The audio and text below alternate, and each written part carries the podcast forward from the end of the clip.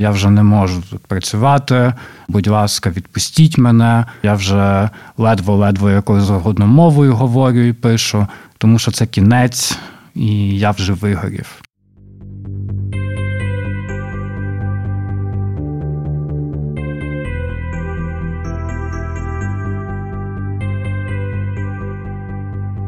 Добрий день всім.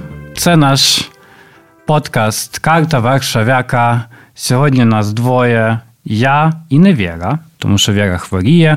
Віра не хворій і вертайся до нас. А зі мною сьогодні Марина Сілякова, е, уроженка Донецька, але мешкає вже досить давно в Польщі. Колажистка, е, теж випускниця Сполечної академії наук. Е, її колажі були на виставках у Іспанії, Польщі, Чехії та Норвегії. Вітаю тебе, Марино. Привіт, привіт, Павло. Дякую за запрошення. Е, бажаю скорішого одужання Вері і супер, що я тут. Так, Вері бажаємо скорішого одужання, того що Вері треба йти працювати. Працювати треба йти всім нам. І сьогодні ми власне поговоримо про це, про роботу, про те, що нам болить, від чого ми ледве ходимо, але задля чого найчастіше ми всі тут є в Польщі, тобто про роботу.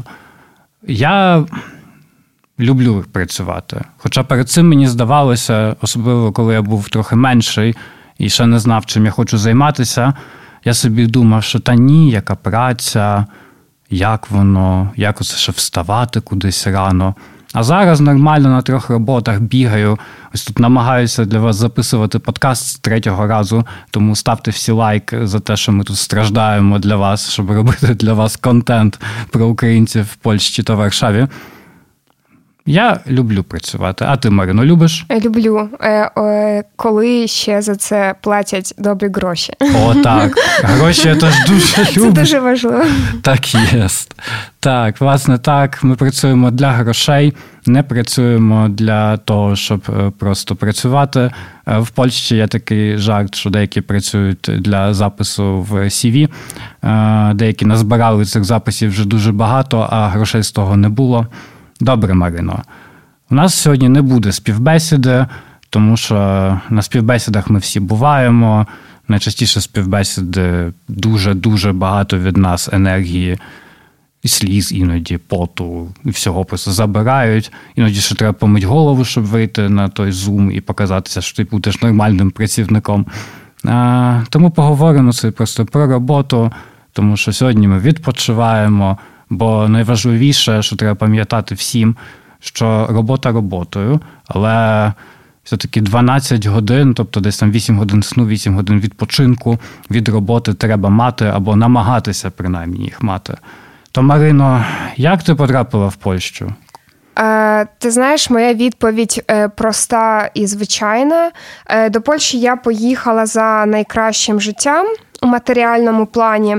Е, скажу чесно, що я ніколи не планувала виїзду за кордон на постійній основі, але 2014 рік він все змінив. Як ми знаємо, Донецьк з цього року зазнав російського вторгнення, і з того часу е, мирний спосіб життя змінився. І на протязі 14-17 року я вже встигла попрацювати за спеціальністю у Харкові, але матеріально скажу, ну було дуже важко, і я перебувала на стадії відчаю. Пам'ятаю, як дивилася вакансії у Польщі, які скільки можна заробити, ходила на курси польської мови і просто так для себе вирішила, що робота баристи чи прибиральниці чи няні е, може дати мені більше, ніж я буду працювати інженером за спеціальністю в Харкові. І тому я вирішила піти таким шляхом, е, що я купила собі трудову візу на швейну фабрику і по ній заїхала в до Польщі у 17-му році. Так, і приїхала на Варшаву Заходню. О, так, на Варшаву Заходню приїжджаємо. Ми всі від тих, хто не слухав, відправляємо наш перший подкаст, де ми з нашою тодішньою гостею Розалією Кучеровою теж розмовляли про Варшаву Заходню, тому що це місце всім варшав'янам, варшавякам і особам пов'язаних з Варшавою були дуже сильно. Окей, розумію, що Марина, ти на швейну фабрику так і не потрапила ніколи. Не потрапила. Так. Але до співбесіди на границі я готувалася. Тобто я знала, які питання можуть задати, і якщо що, то я знала, що сказати. А. Але добре, не потрапила ти на фабрику, а куди ти потрапила в такому разі? Е, Потрапила на звичайну роботу. Е, Знайома знайомої, знайомої моєї мами запропонувала роботу на заміну. Е, у перукарні е, трихологічній прибиральницею. Так, треба було ходити там через кожен день і прибирати. Е, я на це погодилася, бо платили такі нормальні гроші, і для мене це була проста робота.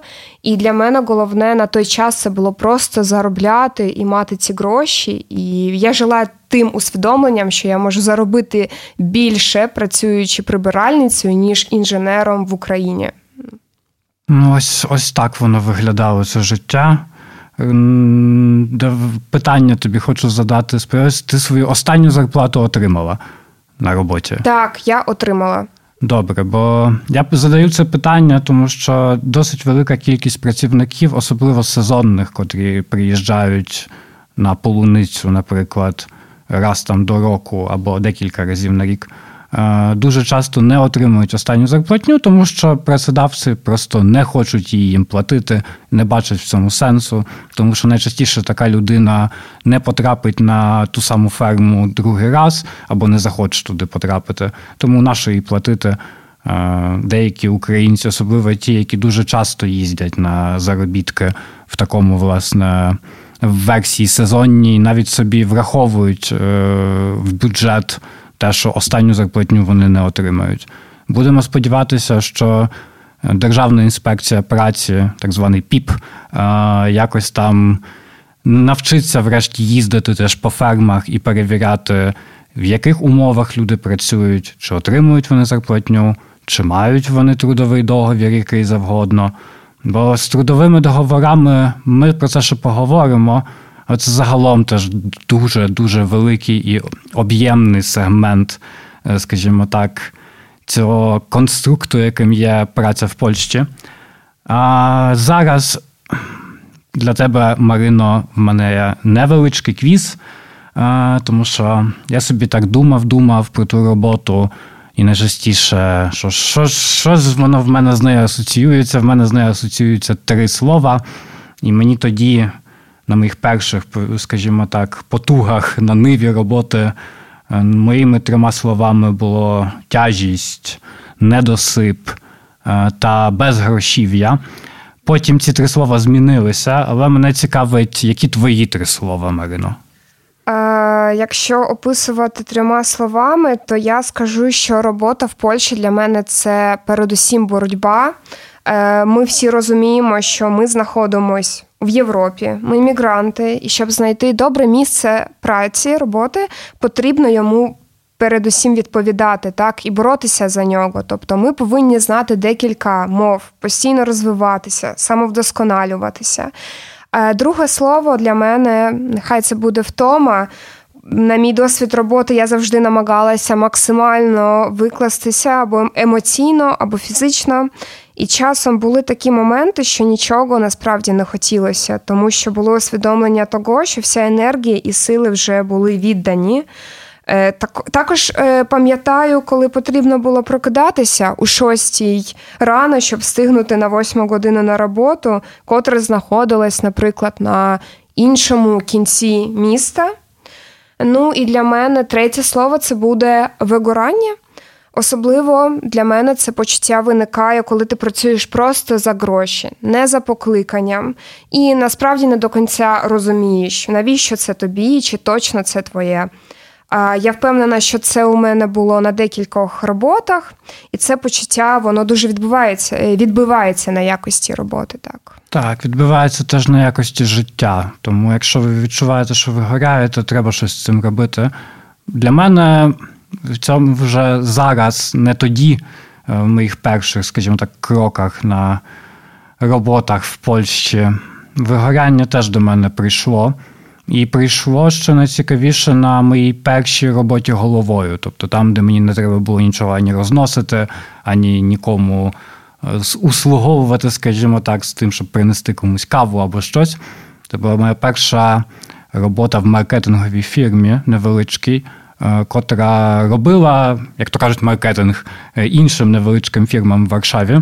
Я потрапив до них після стажу невеликого і почав писати реклами. Тобто став копірайтером. Мені тоді здавалося в мої перші дні, що о Боже, оце ось воно. Що я не просто собі тут буду десь в готелях чи ресторанах працювати, а я буду працювати головою. І що мама буде, звісно, мною пишатися, і папа, і дідо, і всім привіт переказую, звісно ж, е, при оказії. Але це дуже швидко закінчилось. Після п'яти місяців моїх писань різних невеликих матеріалів, і великих, і реклам, і вишуковування тих ключових слів, щоб воно ліпше в гуглі потім вилазило. І просто якихось дивних, неймовірних брифів, е, тобто завдань, скажімо так, від е, тих фірм, з котрими ми співпрацювали. Я зрозумів, що я вже нічого не хочу, нічого не можу. Мені здавалося, що Боже, яке писати, якою мовою вже все просто я я закінчую це все. Пам'ятаю, що я тоді навіть написав такого довгого листа моїй е, шефині, чи там пані шеф. Пані шеф теж переказує вітання е, про те, що я вже не можу тут працювати, що, будь ласка, відпустіть мене, що я вже ледве-ледве якою згодно мовою говорю і пишу, тому, тому що це кінець і я вже вигорів. Я тоді сподівався, що вона мені відповість щось в стилі: ну ні, ти наш дуже цінний працівник, ми тебе любимо, залишайся з нами.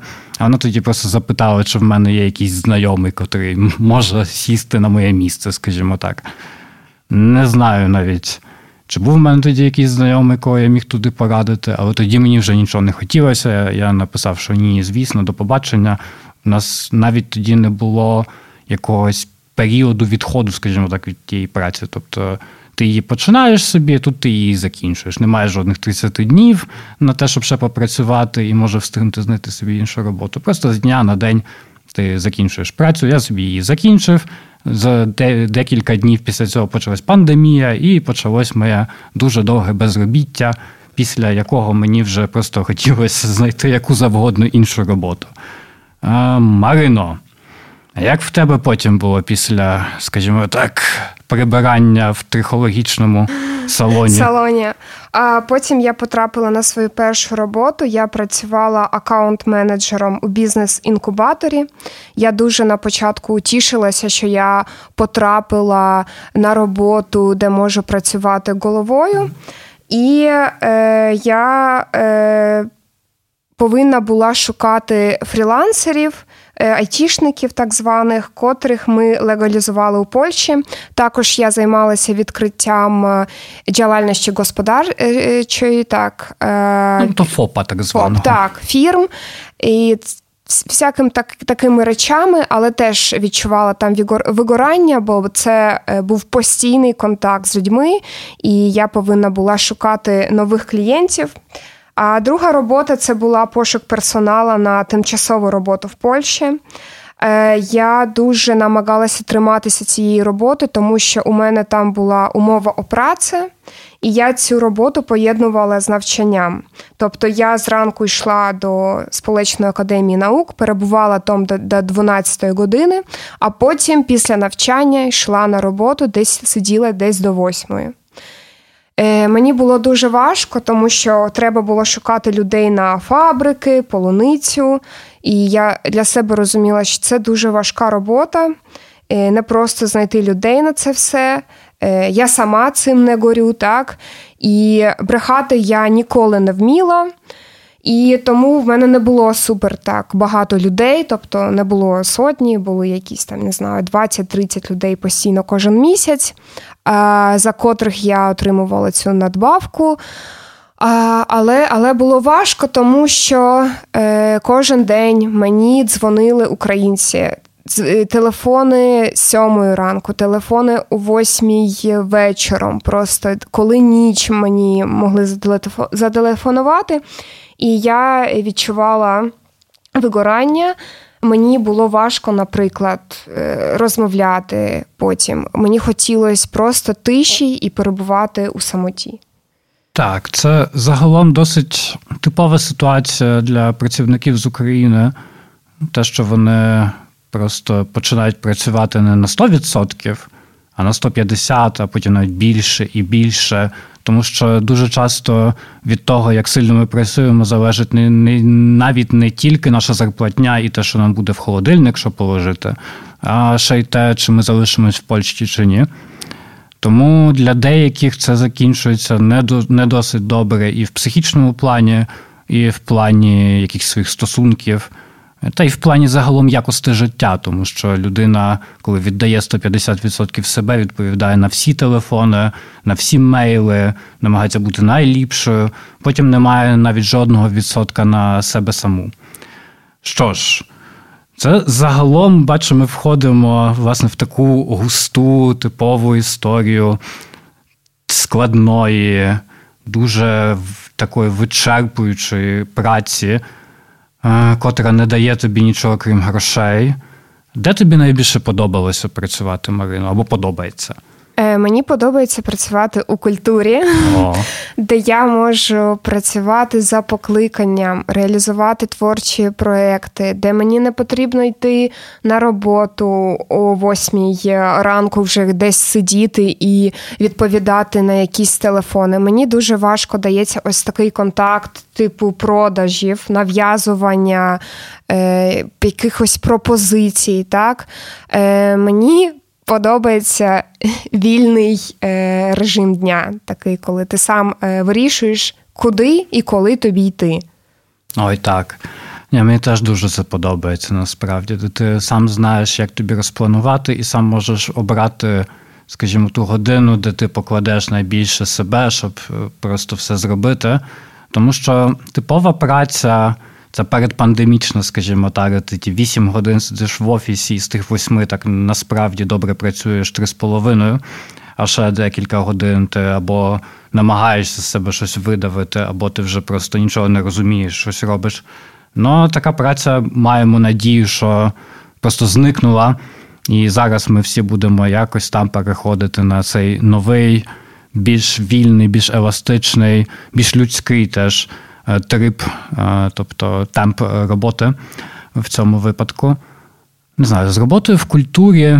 Як ти зарплатня в роботі в культурі? Тому що от при всі в Польщі, особливо ті, хто працюють з культурою або якось uh-huh. з нею стикалися, все-таки нарікають на те, що тут низькі зарплатні, дуже складно знайти щось завгодно, гонорари невеликі і так далі. і так далі. Немає соціального забезпечення для деяких. Як тобі з цим? Е, ну я е, скажу чесно, що роботу у культурі я для себе відкрила е, під кінець літа, початок осені.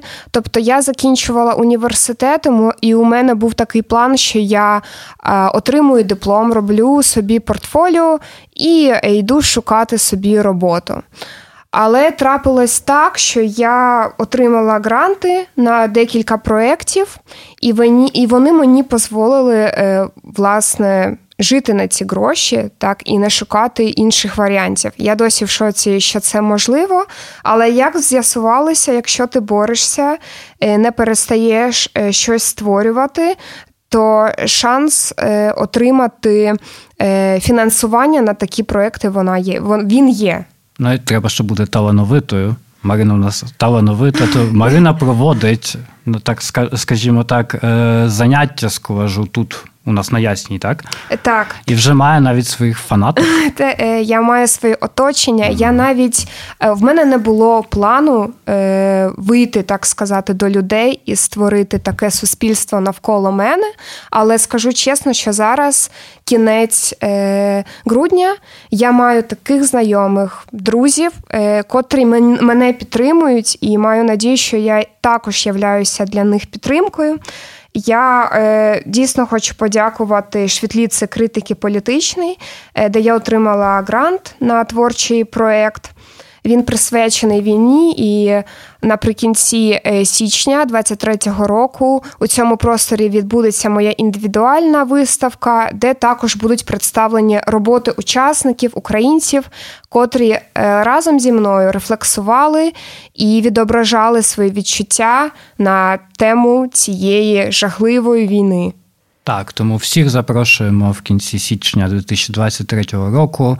Це ясна 10 е, локаль, е, тобто помешкання номер 3 е, Тому запрошуємо всіх у Варшаві. Всі ми тут будемо. Я теж тут буду. Теж ясній 10 і критиці політичній дуже хочу подякувати, тому що свого часу коли я ще тільки починав вчитися тут, в Польщі, на журналістиці, це було одне з місць, в котрих я хотів пройти свою практику mm-hmm. журналістську. Пам'ятаю, що я тоді зачитувався критикою політичною на початку, щоб повчити трохи польську, а потім просто тому, що мені було близьке те бачення світу, яке пропагує політична критика. Тому я радий, що зараз я можу тут записувати подкаст ще рідною мовою е, з класними людьми.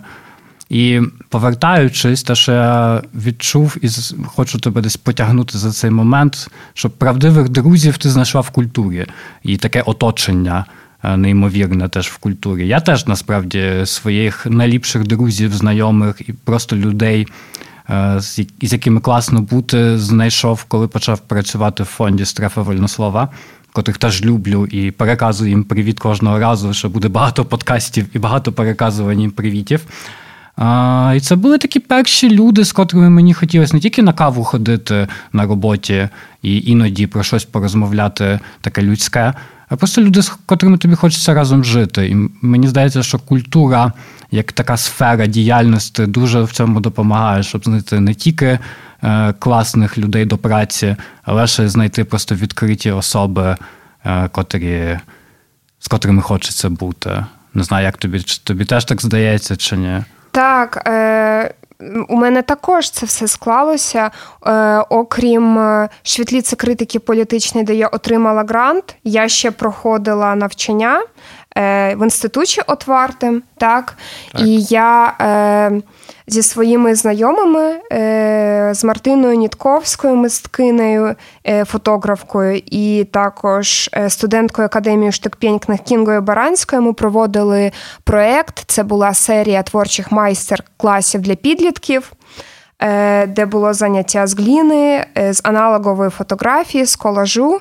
Е, ми це все зробили і у кінці отримали грант на реалізацію на видрук зіну з роботами підлітків.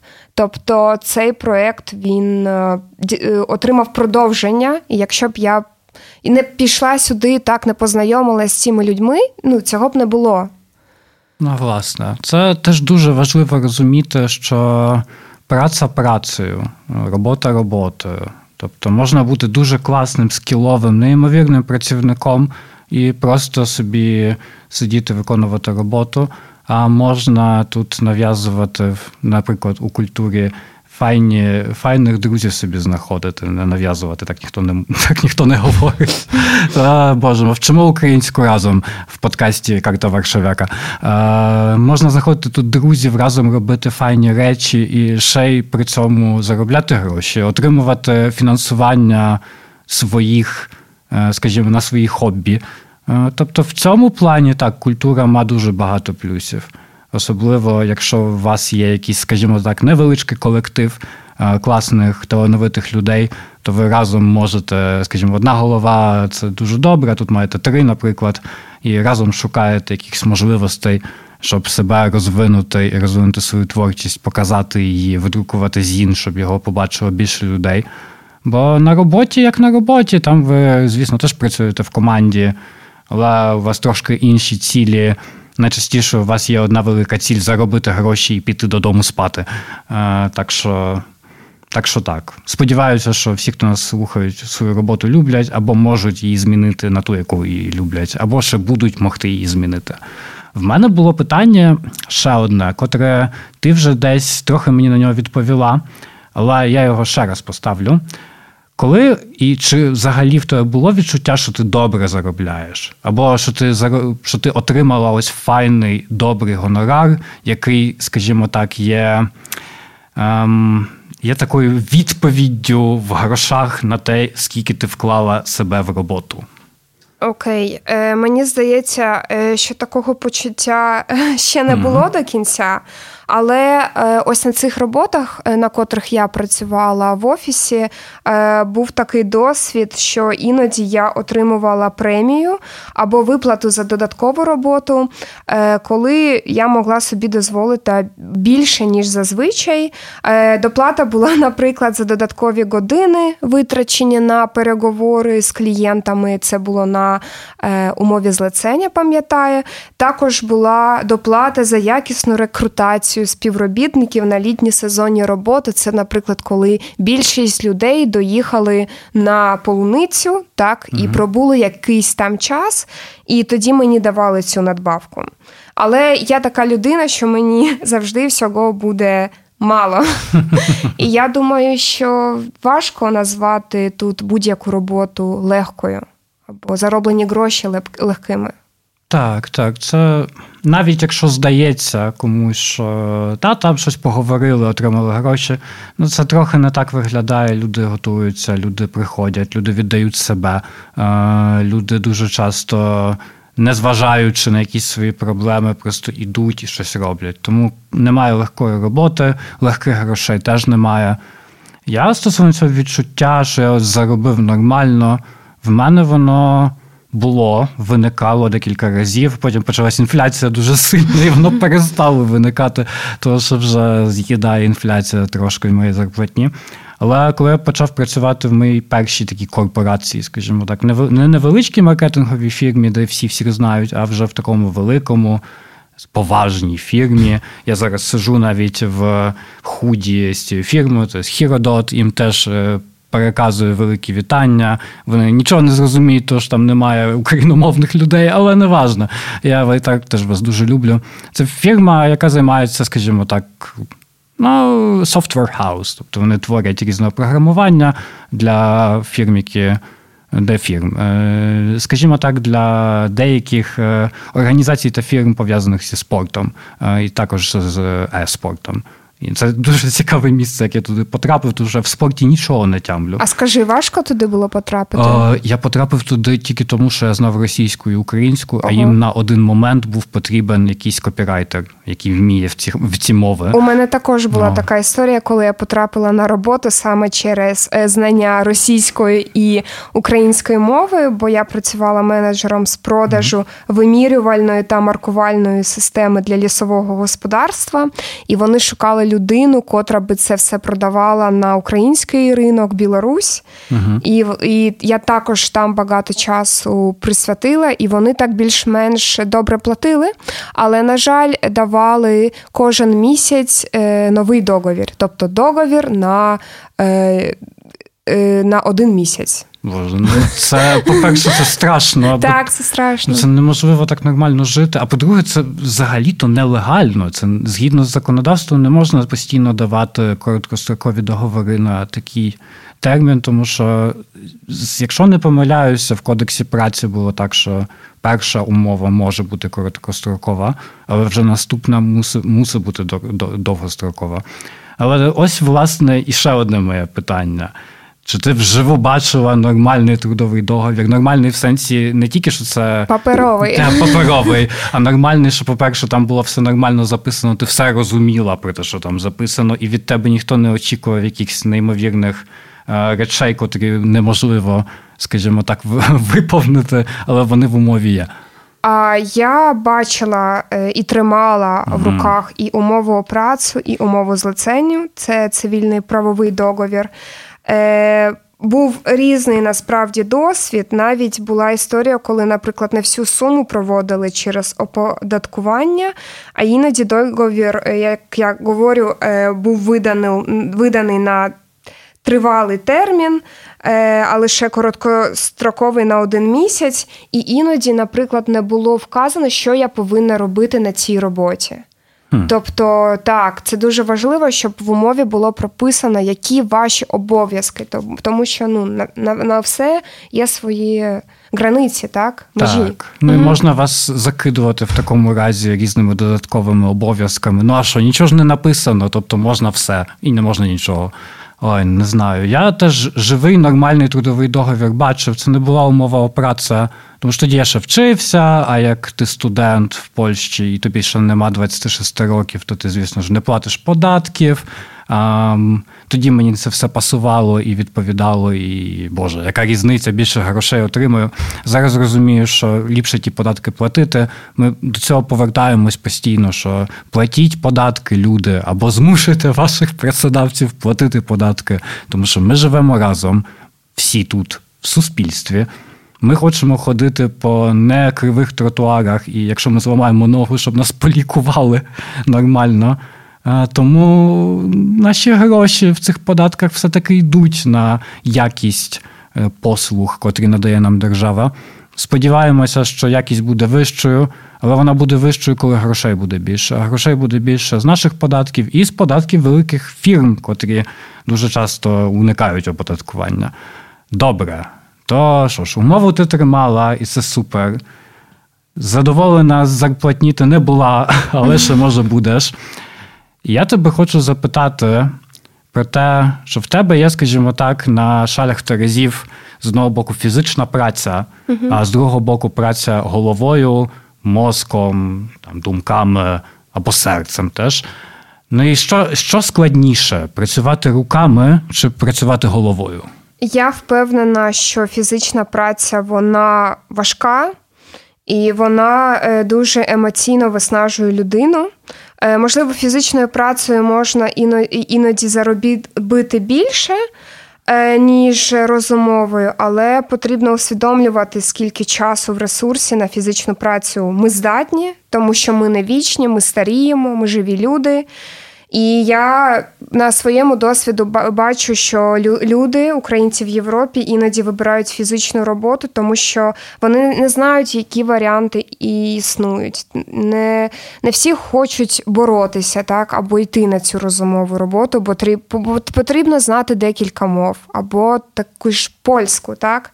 Ну і іноді люди йдуть на фізичну, щоб е, заробити більше грошей але я однозначно за роботу головою. О, розумію. В мене теж є приклад людини дуже розумної, дуже, скажімо так, підкованої теж в мовному плані. Вона вона є і вона є і існує, вона ще жива, е, розмовляє і англійською, і польською, і іспанською. Ми разом жили в гуртожитку для українців. Це взагалі інша теж історія, яку я колись розкажу, якщо мені ще дадуть можливість перейти до цього мікрофону. А, То добре, ми жили разом в цьому гуртожитку.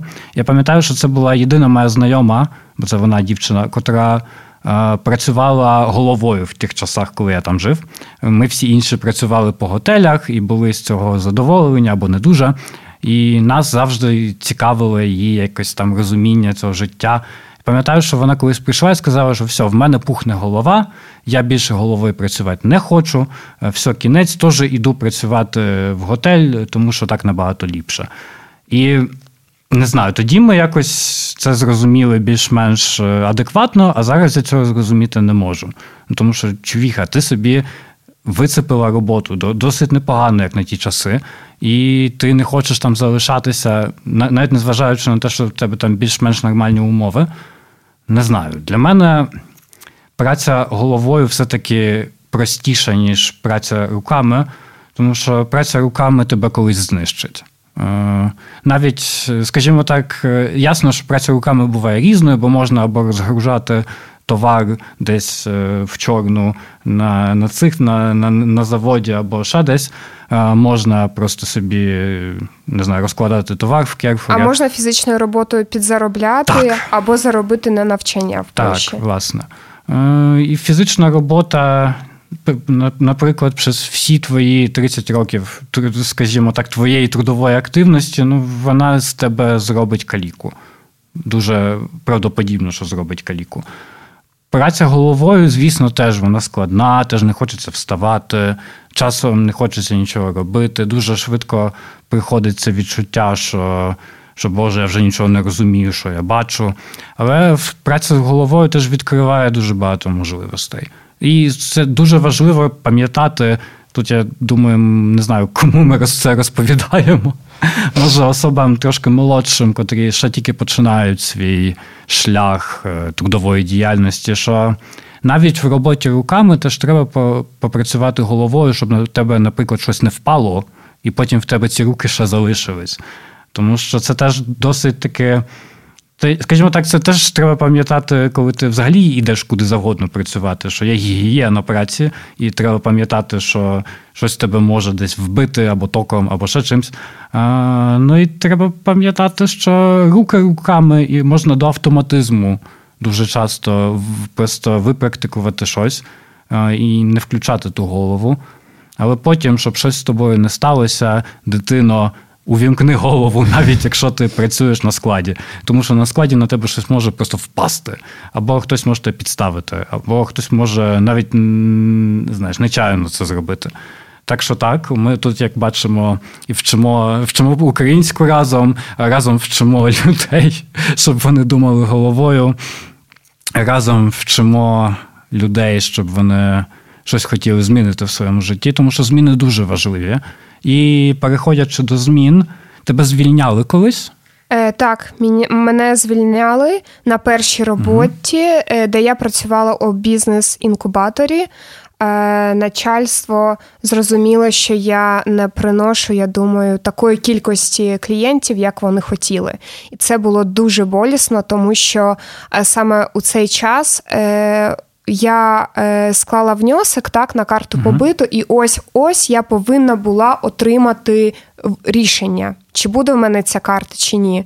І тут я втрачаю цього постійного працедавцю, так, і мені потрібно, як ти пам'ятаєш чи ні, за е, за 30 днів знайти так. нового, донести всі документи. І я просто впала відчай, і тому що це була моя перша робота в офісі. Я розуміла, Боже мій, який кошмар. І я просто ну, ні на що не здатна, але я пам'ятаю слова. Е, Валерій, привіт. Він сказав, що мені потрібно йти в креатив. Але на, але на той час я не була і не усвідомлювала, що я десь можу заробляти на якомусь креативі. Ну, я думаю, що багато хто з Донбасу не уявляє цього і не уявляв. І, Але але це було, я думаю, що поштовхом, так? Поштовх на зміни і на пошук чогось нового. Так, так. Тому не бійтеся звільнень. Ні, звісно, бійтеся звільнень, тому що не хочеться, щоб тебе звільнили з дня на день, а це теж можливо. Особливо, тому що, власне, тут ми можемо десь про ці договори і поговорити, що в умові опраці, тобто в нормальному трудовому договорі, повноцінному, в тебе і так прописаний той, скажімо так, таймлайн, коли тебе можна звільнити. Це або два тижні, або місяць, або три місяці максимум. В цивільно-правових умовах договорах ЦПХ, так званих, е, це вивчив від знайомих в Україні, е, можуть цього таймлайну тобі не прописати. Тобто тебе можуть просто звільнити з дня на день, сказати до побачення телебачення, е, кінець було дуже приємно, все. І це це дуже неприємно. І, власне, це дуже неприємно, навіть якщо комусь здається, що приємно. Бо з дня на день втратити роботу, не знати, що з собою зробити. А як в тебе ще карта побиту, що для де, для наших слухачів, котрі ще тільки приїхали в Польщу, це неймовірний світ е, емоційних, просто гойдалок і страху, теж, на жаль. Е, про те, що ти до чогось прив'язаний в цьому випадку. Тут ти прив'язаний до роботи, маєш знайти нову роботу швидко. Е, зараз ідуть зміни в законодавстві. Я не впевнений, чи ці зміни нам підуть на ліпше у випадку, власне, того, що зараз, якщо я не помиляюся, тепер тепер працедавець, якщо він тебе звільнить, не повинен вже інформувати нікого, що він тебе звільняє. Подивимось, наскільки це нам допоможе, нам як працівникам. Але добре, нехай вони ще поприймають ці поправки, бо взагалі з поправками правом праці і законодавством стосовно Е, стосовно нас, е, тому що ми тут не громадяни, це теж інша історія, може не інший подкаст, тому що воно постійно змінюється. Я вже я вже не можу, якщо чесно, це постійно моніторувати і вже перестаю розуміти дуже часто, чи ще воно мені нормально, чи ні. А, Так що так. А так, то ми переходимо в такому разі зі звільнення. Я не звільнявся. Мене якби. Скажімо так, ми закінчували собі нормально мої різні роботи з працедавцями. Я цього не відчуваю, що це була якась катастрофа. Мене так прямо теж звільняти не звільняли, але було одне місце. Це не була навіть робота.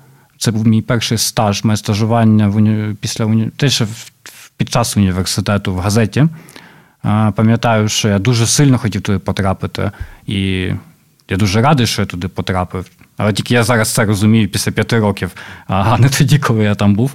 Я пам'ятаю, що я просто зрозумів, що я повинен закінчити з ними цей стаж і йти собі далі нормально працювати в готелі, тому що мені потрібні гроші.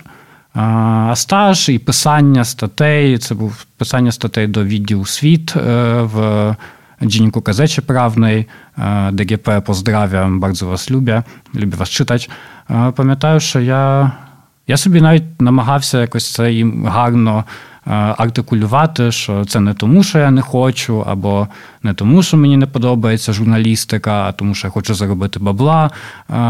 І пам'ятаю, що я просто не перестав приходити до редакції на своє місце зі своїм комп'ютером, щоб писати там ті статті. Ну і пам'ятаю, що ніхто до мене не дзвонив. Після цього я теж зрозумів, що більш за все, що я з журналістикою ніколи не буду пов'язаний.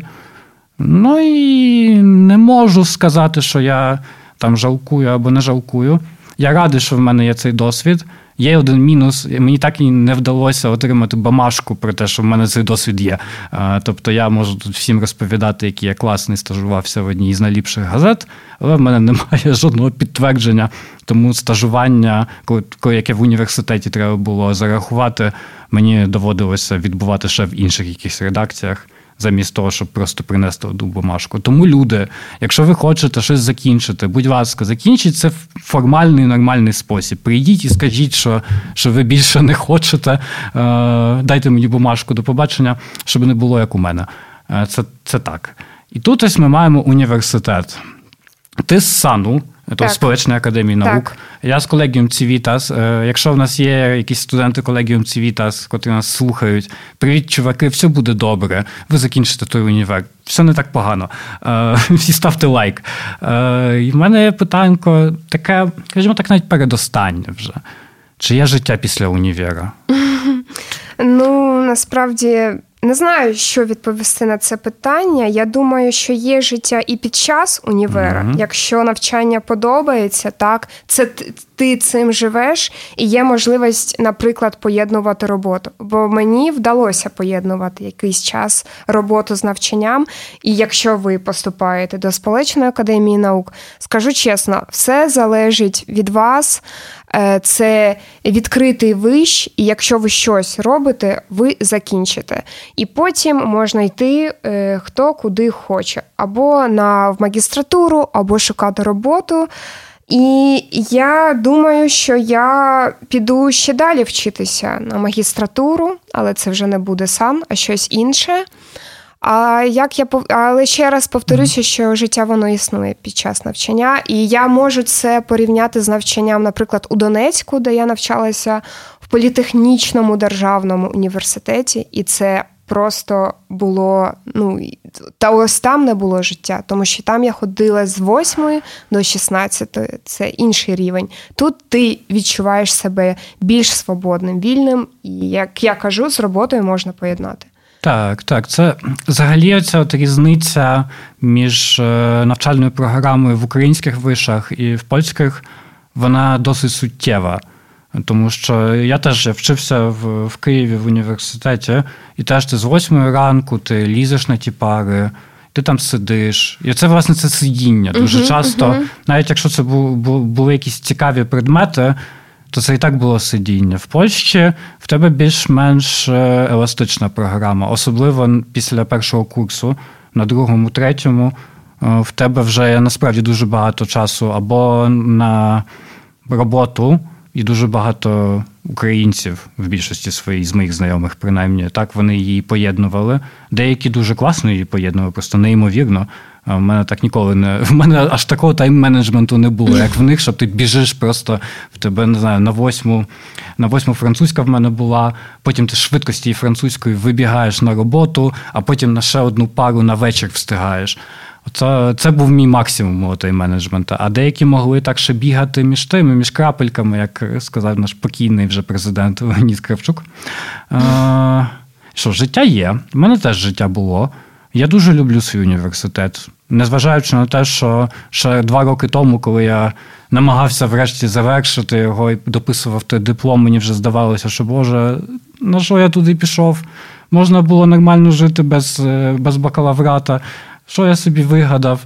Ну і тоді так. Тоді в мене думки були тільки про те, що я просто дуже багато грошей віддав на приватний універ, і нічого мені більше не треба. Боже, нехай воно закінчиться. Зараз я розумію, що я дуже багато звідти виніс. Крім тайм-менеджменту, який мені ще треба трохи поправити. Ну, я виніс досить багато знайомих. Я виніс той досвід праці в медіах, котрий мені допомагає від часу до часу. Я теж виніс диплом, і я виніс багато можливостей. Тому чуваки і всі і човіхи, е, і особи, е, котрі не ідентифікують себе з чуваками або човіхами, йдіть в університет. Якщо ви не закінчили університет в Україні, а приїхали сюди працювати, бо це досить типова історія теж. Для І моїх... навчатися ніколи да. не пізно. Ну, власне, так можна. Звісно, це коли ти вже старший, навчатися буде складніше, але ліпше його закінчити той університет. Теж, якщо ви не хочете, зовсім не хочете, вам ніколи не хотілося, ми вас не змушуємо, не робіть того. Але якщо у вас колись були такі думки, то ліпше ліпше спробувати. Можна поступати в Польщі навіть не з не з осені, як у нас, можна поступати з зими. Тому зараз, власне, закінчується в нас рік, е, у нас свята вже тут починаються. А десь там січня місяця можна собі пошукати університет, куди можна скласти документи і вступити. Я теж думаю про магістратуру. Я тільки оце ось тільки маю той той, диплом бакалавра, тільки ну, не можу натішитися ним. Але магістратура теж буде. Може, не зараз, трошки пізніше, але, ще все перед нами. Добре, Марино. Ти працюєш зараз, скажімо так, в культурі і мистецтві. Як тобі в культурі і мистецтві? Ну, мені дуже подобається. Я ж кажу, це для мене відкриття, котрим я просто е, е, дуже тішуся, і мені е, просто важко уявити, що я потрапила у цей світ. А побачимо, як буде далі, тому що я зараз е, закінчую роботу над е, декількома проектами. І, як я казала, буде виставка. uh І потім я буду шукати таку постійну роботу, бо я зараз буду подаватися на карту абсольвента. Маю надію, що я її отримаю. Так, це карта для випускників польських вишів. Е, Так, і в мене буде час шукати роботу, але я вже отримала також пропозицію на виставку літом. Е, в одному місці. Я хочу також її зробити, і я буду намагатися поєднувати свою мистецьку діяльність з роботою, як це робиш ти. Три роботи, так вже є приклад, і хочеться вірити, вірити, що у мене також це буде. Бо я просто, я, я ж говорю, я не можу без роботи головою і без мистецтва. І дуже дуже добре. Я теж люблю працювати в мистецтві. Навіть якщо це не моя головна робота, я тут не заробляю мої головні гроші, скажімо так. Але я радий, і тут я дуже теж знову дякую своїй фірмі, на котрій я працюю, скажімо так, цей цілий час. Що в мене є можливість ще бігати від часу до часу і робити якісь файні речі з файними людьми. Тому що це один з таких плюсів праці в культурі, що ти не тільки маєш можливість виражати себе, але навіть якщо в тебе немає аж такої супер, не знаю, таланту, щоб виражати себе, ти завжди там знайдеш класних осіб. Тому що в культурі просто працюють талановиті і дуже відкриті люди, котрі цінують себе і цінують інших. І до цього я, наприклад, дуже мені подобається сюди приходити на ясно 10 е, до світовиці критики політичної, тому що тут просто дуже приємно. І іноді тут класно з комп'ютером посидіти. І я дуже радий, що я можу ще сидіти тут в цій підкастні і щось для вас записувати з третього разу. Так що ставте лайк тільки за те, що що ми ось сьогодні для вас тут неймовірні речі вже творимо. Просто я навчився обслуговувати пульт. А за це дякую іншій особі, котра до нас ще прийде на наші подкасти.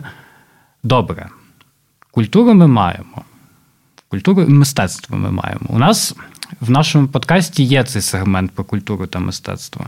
Ми час від часу радимо нашим слухачам та слухачкам якісь файні речі, на котрі вони можуть сходити, або загалом якісь файні інституції, е, театри, музеї, до котрих вони б могли завітати іноді теж безплатно. То Марино, твоя черга, бо ми останній раз з Вірою, коли вона ще була жива, mm-hmm. то я точніше не хвора, думали про театри і свої топ-3 намагалися тут збудувати. А ти що порадиш, як людина, яка працює в культурі, нашим слухачам, які ось приїхали в Варшаву, куди сходити, на що подивитися, кого послухати? Ну слухайте, я взагалі людина з Донбасу, і е, на Донеччині за мій час там проживання ну не було супер розвинене сучасне мистецтво. Наскільки я пам'ятаю, 13-й рік для мене було відкриттям піти до ізоляції. Це така mm платформа сучасного е, мистецтва. І я просто була в шоку, коли побачила, не знаю, якісь анімації, якісь е, витвори такі сучасні мистецтва, де малюють, я не знаю, піском. Е, 3D-принтер, так, це взагалі було що це для мене.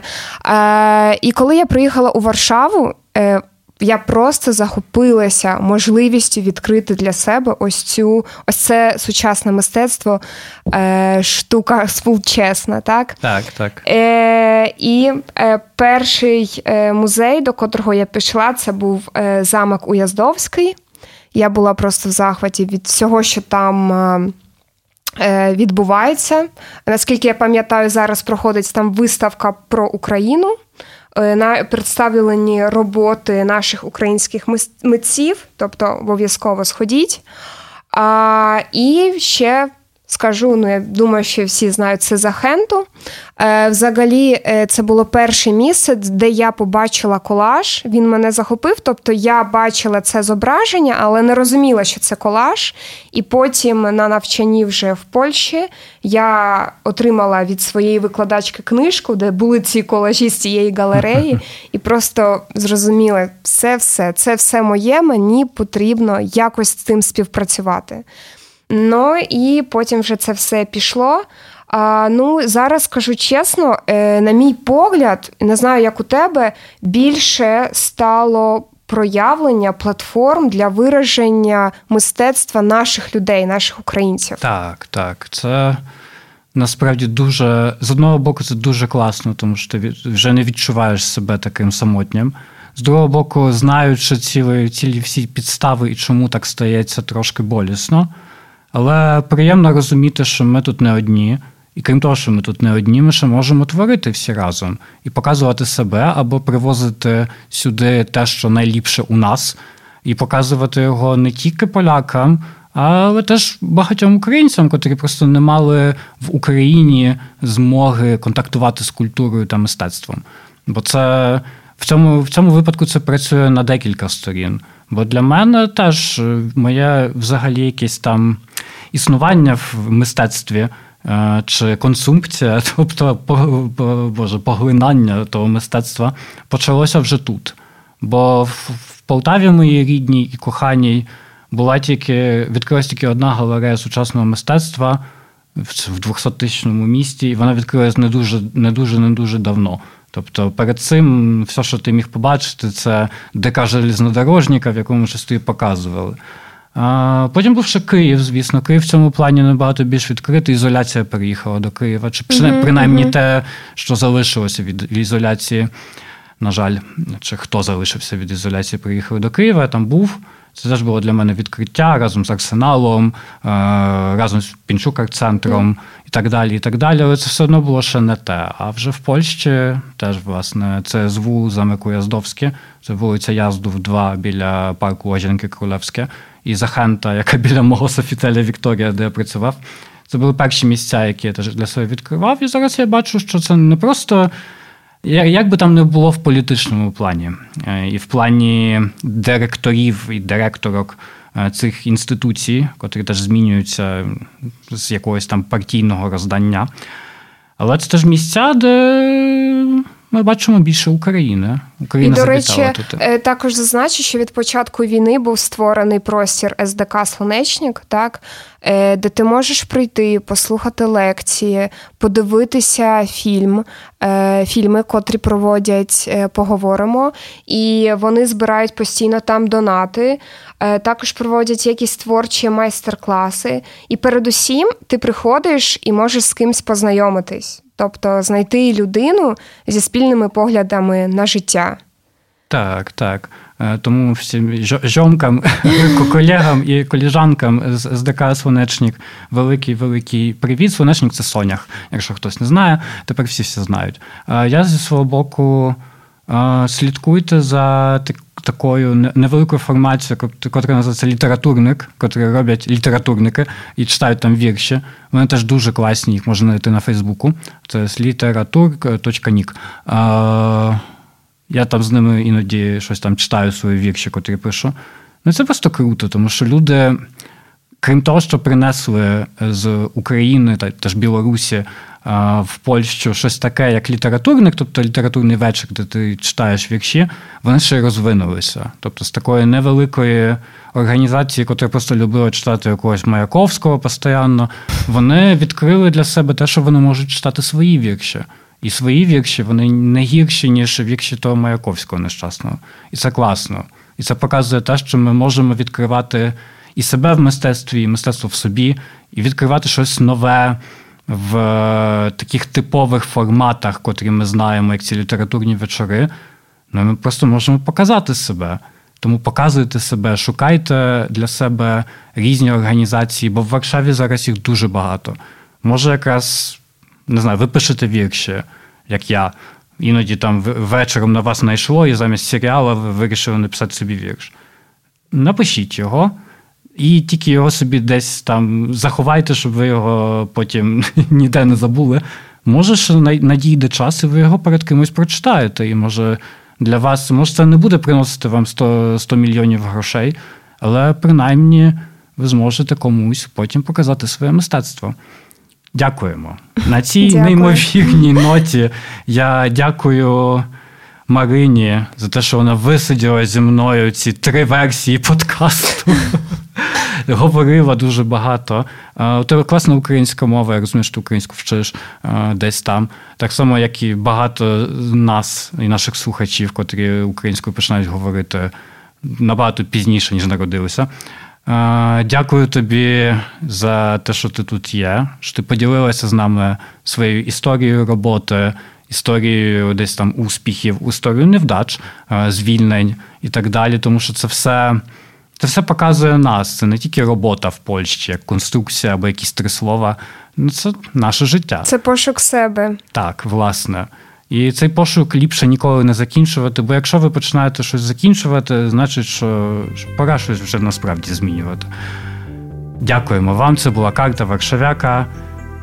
До нових зустрічей.